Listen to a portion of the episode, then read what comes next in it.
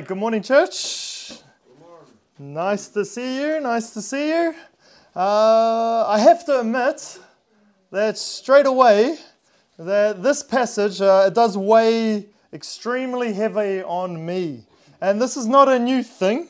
Uh, this passage for years, and I mean years, has been one of the passages I've battled with for a very long time. So when um, when we scheduled out which passages would um, who would preach which, and these verses fell on me, I had to laugh. It is just like the Lord to do things like that. So just five small verses that could be very well looked over, almost uh, not even blinking an eye, and yet these five verses have caused me so much grief and so much joy.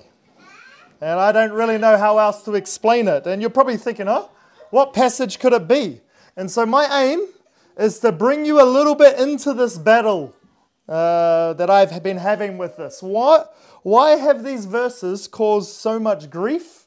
And why have these verses caused so much joy? And how is it possible to have this combination?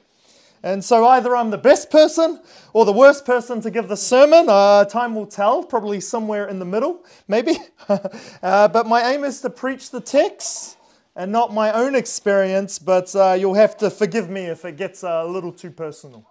So, uh, so pray for me. Uh, there is a careful balance here, and it's going to be very difficult. And so my prayer is that I can be clear and that you would have ears to hear and that which is true and that you just that you do not just hear something you don't like and then assume the worst uh, but that you would grasp the hold of the truths of these passages and they would be equally a challenge and a comfort to you. So to begin let me ask you some very important questions. Who is your family? Who is your mother? Who is your brother? Who is your sister? Who is your father? And all our family situations are likely different. Maybe we have both biological mama or papa, or maybe one parent, or separated parents with step parents, or adoptive parents, or grandparents who raised you as their child. Maybe you have no siblings, or maybe just brothers, or just sisters or step siblings, and maybe, maybe parents you wish that were not your parents, or siblings you wish were not your siblings. And so I ask again who is your family? Who is your mother? Who is your brother? Who is your sister? And who is your father? Because these are important questions. Because the way you answer these questions has already significantly prepared the path you have chosen to take in this life. It has affected your priorities. It has affected your weekends. It has affected your money. It has affected where you have chosen to live. It has affected what kind of job you have. It has affected the relationships you have with those who raised you. It has affected the relationship you have with your in laws. It has affected your relationship you have with your local church. It has affected the relationships you have with the world around you. And the question of who is your family has made a massive impact in the way you think. The question of who is your family has made a massive impact on the way that you live. And so, once again, once again, we open the Bible to help correct our thinking, to help correct our lives, uh, to help us practically. If you do not think this passage has a practical application to you, you're wrong. you you're kidding yourself. And there might very well be an answer to this question that you do not like. But I can assure you that it's an answer that will very much give you the direction you need to live, the peace you need to live that way. Oh, and it is a hard lesson, especially in this context here in Norway where there's a huge priority on family. And that's not a necessarily a bad thing, but it is something we need to line up with the Word of God. And it's a hard lesson today, but it has glorious peace that comes with it. So, so what is this passage? Uh, if you haven't already, you can open your Bibles uh, to Mark chapter 3, or I'm going to read it as well. And we are reading five verses. Chapter 3, verses 31 to 35. And I'll be reading from the LSB version, the Legacy Standard Bible. But you can follow with whatever version's in front of you. So, Mark 3 31 to 35. Then his mother and his brothers arrived, and standing outside, they sent word to him that's Jesus calling him. And a crowd was sitting around him, and they said to him, Behold, your mother and your brothers are outside looking for you. And answering them, he said, Who are my mother and my brothers? And looking about at those who were sitting around them, he said, Behold, my mother and my brothers. For whoever does the will of God, he is my brother and sister and mother. So, a little bit a background, a quick uh, lead up to this. Just prior to this, Jesus, you would remember, went up the mountain and he called those who he wanted and he appointed the 12, whom he also called apostles to be with him and he sent them out to preach. And he gave these 12 authority even to cast out demons. And then the 12 are named in Mark 3. 3 13 to 19, and he named Simon Peter first, and then Judas Iscariot last, who would betray him. You'll remember the display we had um, up on the screen. And they went home, which would have been Capernaum, and the crowd gathered again. And is that a surprise? Uh, do you remember at the beginning of his ministry in Capernaum, chapter 1, verse 21 onwards, Jesus entered into the synagogue and they were amazed at his teaching. And then Jesus cast out a demon and they were saying, Wow, teaching with authority. And then they walked home to Peter's house and they saw his mother in law was in a bad state, and Jesus healed her. And then evening came, and Jesus healed and healed and healed miraculously, person after person after person. And then he left, and saying in chapter 1, verse 38, Let us go somewhere else, to the towns nearby, so that I may preach, for that is what I came for. And then at the end of chapter 1, the leper who was healed, he couldn't keep his mouth shut. And so Jesus' city life was done, and that did not stop the crowds. Uh, they were coming to him from everywhere, it says in chapter 1, verse 45. And then, and then in chapter 2, he's back in Capernaum, and it was packed again. Many people. And the paralytic's friends dug away and made their own little elevator in the roof um, and lowered him down where Jesus said those powerful words, which is easier to say to the paralytic, Your sins are forgiven, or to say, Get up and walk. And then Jesus, proving he could forgive sins, healed the man. And then he left to the seashore and he found Levi, had a meal with him and his sinful friends, walked through the grain field, ate during the Sabbath, entered a synagogue and healed on the Sabbath, and left to sea with a massive crowd following him. Jesus took a boat and then he left. Jesus went up the mountain, called the disciples, and then chapter 3, verse 20, he is back home. And surprisingly, the not surprisingly, the crowd is back. And then verse 21 in chapter 3, it gives us a little taste of what is going to come in our passage. And we got a bit of taste of this last week also. In verse 21, it says, it says, And when his own people heard this, they went out to take custody of him, for they were saying, He has lost his senses. And these were likely his family members, and we heard from Pastor Arlen last week that this came out of a love and a care for Jesus. And if Jesus' family was from Norway, they would have said, Nå har det klikket for Jesus. right? And, and, if, and Jesus, if Jesus' family was from New Zealand, they would have said, now he's lost his marbles. And clicking marbles, oh, maybe some kind of connection there. Uh, but their family care for Jesus went from healthy to unhealthy, we heard last week. They, in their mind, needed to save Jesus from himself. And here we are now in our passage today. We're in chapter in chapter 3 verse 31 his mother and his brothers arrive outside and they sent word to him calling him. And so for today's message there are two points. The first point is we'll see Jesus' earthly family. That's in verses 31 to 32 and the second point is Jesus' true family. And that's 33 to 35. And it's already, already easy to see these in this passage, right? There is his mother and brothers calling to him. And then there's this question of who is Jesus' family?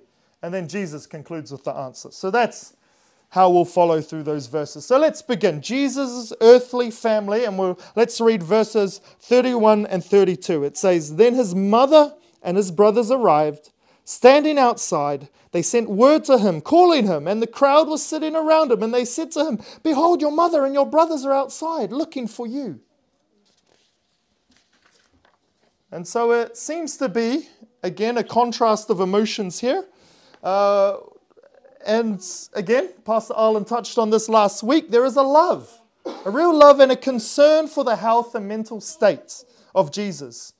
Jesus, who was so consumed with his work, even to the point of not caring so much for his physical needs, it seems. And so his family were worried for him. They wanted to bring him home to rest and recover. So there is care there. But there is also a clear lack, a lack of understanding of what Jesus was called here to do. He was healing and preaching and teaching and correcting and showing self sacrificial love to these people, but his family did not see that. Joseph is not mentioned here, so he might have died by this point. So maybe it was his brothers leading the charge to collect Jesus, and it may have been a worry that Jesus is bringing shame to his family's name and a culture that values honor this would have been a worrying thing for Jesus' earthly family. He's doing these crazy things. I think one, one of the many pieces of evidence for the Bible is that, that this must be true, is because no Jewish person would make up a story that seems to put the family of Jesus in such a bad light. At that, and, but it was not a lesson in disrespecting his physical family. That's not what he's doing. Jesus will not say what he says later on to disrespect his family. There's none of that there. But there is a reality here that we need to remember. His family have come all the way from Nazareth to come take Jesus away from his present ministry. And so Jesus does not listen to them. He does not follow what they want for his life. Jesus does not even go outside to explain uh, his different plans to theirs. And so the reader is shocked that his family are going against Jesus and Mary. Mary, who had the angel speaking to her, misses Jesus' points here. And Jesus also says in Matthew 10, 34 to 39, he says, Do not think that I came to bring peace on the earth. I did not come to bring peace, but a sword. For I came to set a man against his father, and a daughter against her mother, and a daughter in law against her mother in law, and a man's enemies will be the members of his household. He who loves father or mother more than me is not worthy of me, and he who loves son or daughter more than me is not worthy of me, and he who does not take his cross and follow after me is not worthy of me. He who has found his life will lose it and he who has lost his life for my sake will find it. And so the gospel, the good news of Jesus dying to save sinners who repent and believe, results in peace with God. But very often, what happens when people become Christians is that there is a conflict with family members.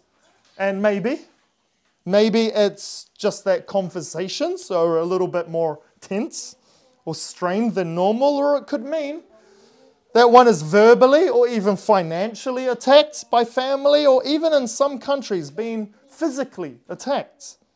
And just last week, I was talking to someone who shared the conflict they were facing from family members because they had become a Christian. And yet, we're called to full commitment to Christ. Because here is the point. In this moment, we will see that Jesus does not acknowledge his mother and his siblings as his true family. And so, listen to what some commentators say. His, his true family does not stand outside and seek to control him. They are not in step with Jesus' priorities, and they inappropriately seek to hinder, to stop, to make it difficult of what Jesus is doing. and they are therefore not his true family.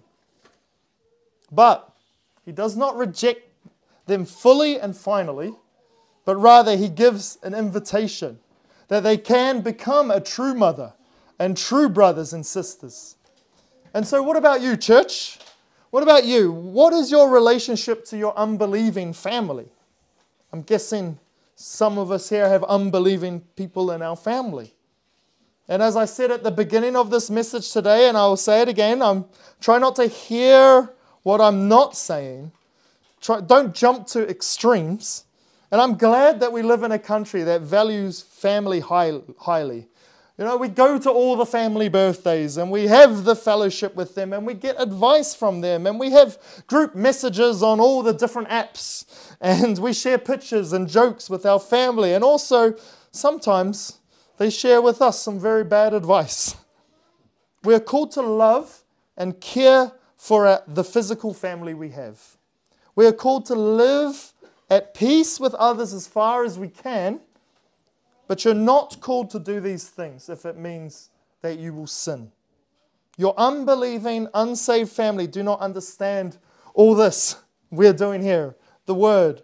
They do not understand spiritual things. And so they might give you a lot of good advice about many things and have a genuine care for you. They can help you in many ways. But you must remember, and we read this um, at the men's Bible study, and from Romans 8, verse 7, it says, The mind set on the flesh, unbelievers, is hostile toward God. For it does not subject itself to the law of God, for it is not even able to do so. And, and verse 8 says, And those who are in the flesh are not able to please God. And so, this is the world's relationship to God. This is our unbelieving family members' view towards God. And so, rather than listening to his physical family and saying, Oh, Mary, my, my mother here, and my brothers are here. Oh, I better go. I'm leaving. Jesus says something that may very well go against every fiber in our Scandinavian culture. And that brings us to the second and final point for today. We'll see Jesus' true family. So let's read the last three verses, verse 33 to 35. It says, And answering them, he, Jesus, said, Who are my mother and my brothers. And looking about at those who were sitting around them, he said, Behold, my mother and my brothers. For whoever does the will of God, he is my brother and sister and mother. So Jesus, hearing that his mother and siblings were outside, he looks around at the faces that are around him. And he says, Behold, my mother and my brothers. For whoever does the will of God, he is my brother and sister and mother. This is a shocking thing for him to say. In a culture in the Middle East where respect and loyalty for family were and still among the highest values one could have, he is not rejecting or degrading his physical family, but he's placing the spiritual family on a higher level. And there will be broken families because of Jesus' teaching, but there will be close and intimate relationship to the Son of God, Son of Man, Jesus Christ. And I like that. Did you notice that in verse 35 that Jesus says, Whoever does the will of God, he is my brother, sister, and mother, and he does not say father? because he only has one Father, the Lord God Almighty. And here we have a picture, very clear picture here of his physical family outside.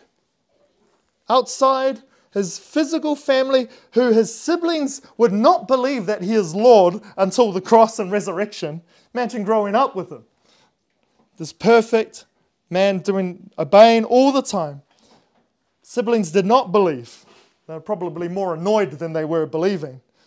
And they grew up with Jesus and they took it, it took them a while to believe. And many of us have grown up surrounded by Christians in this Christianish culture here in Norway, and it took us a while to believe too. And well, at the moment, they're outside. And then those inside are those who are listening to his word, obeying his word, and who are following him. That is a true member of Jesus' family. And this is the main point of this passage. The true family of God is not decided by blood not by biological connection.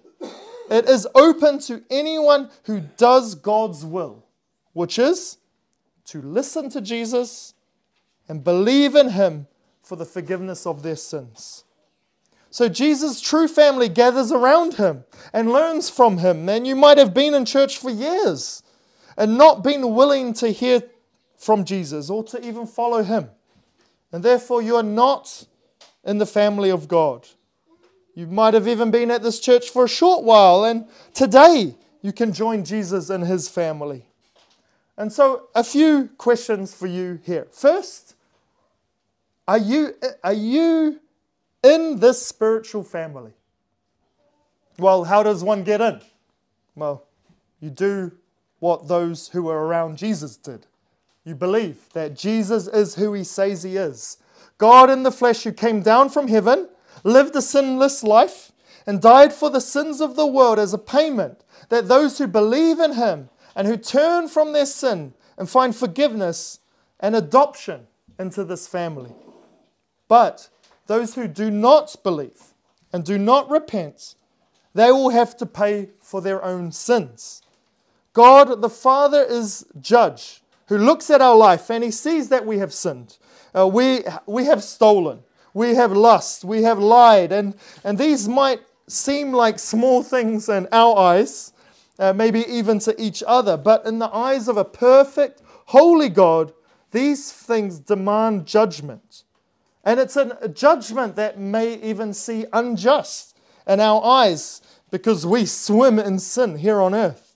But in the eyes of a just God, a perfect God, uh, through Him it is just and He needs to give judgment. A good judge would not let criminals free, right? And the greater the person is, the greater the person sinned against, the greater the punishment. If I threw my shoe at Jason for standing up right now, the police may let me off with a warning.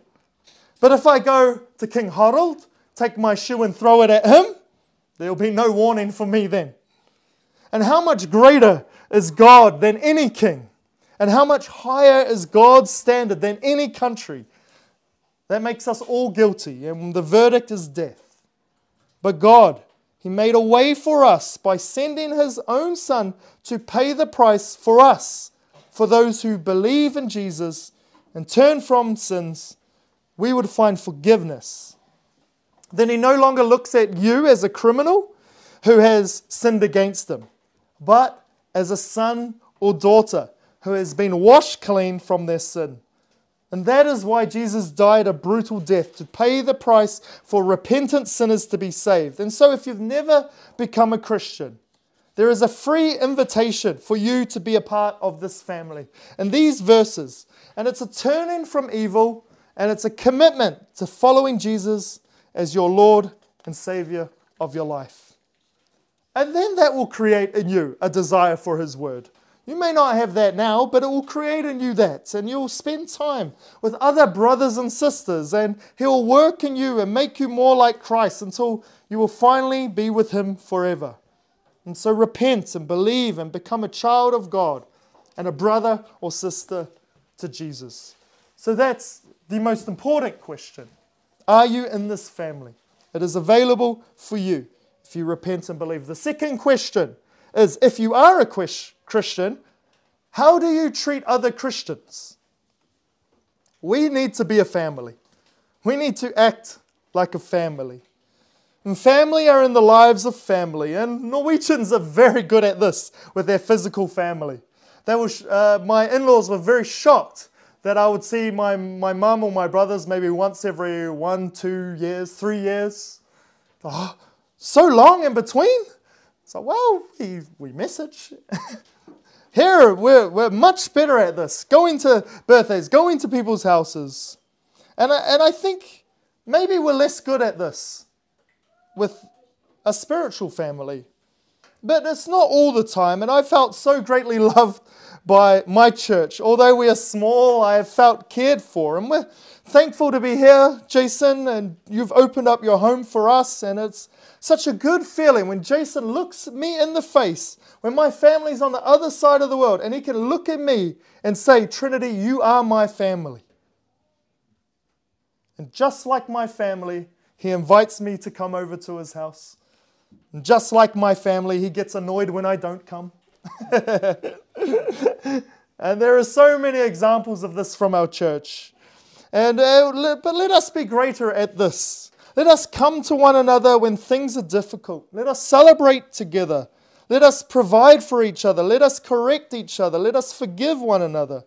And let us continue to do the things we already do so well. So please, we need each other. And I need you all. And be a family member that listens to Jesus and follows him because that is the only kind of family member there is one who listens to Jesus and follows him. And the third question, final question, is if you are a Christian, how do you treat your unbelieving physical family? You love them, you pray for them, you show compassion to them, you tell them about Jesus' great love for saving sinners. God loves to save sinners, and you tell them about the destructiveness of sin, and you honor them, and you listen to them, but don't always follow them. And you definitely do not follow them if it goes against what the Bible says. Those in the flesh do not know how to please God. Indeed, they cannot. And that is not just for non Christians, actually. That's for me too. Don't listen to me if I say something that goes against the Word of God. And if your physical family shame you or persecute you for your biblical thoughts and belief, then you understand that this is what Jesus also experienced. And he said that you would too. Do not be led astray but seek counsel with godly, wise people and study the Bible to guide you. Listen to and follow Jesus. And so that's, that's our passage today. This passage helped me in Auckland, New Zealand, to get on a plane six and a half years ago, alongside my wife and my two little boys. A plane that would take 18 hours to get to Dubai, another almost seven hours to get to Gardermoen, Oslo not knowing if I would ever return again, which I haven't yet.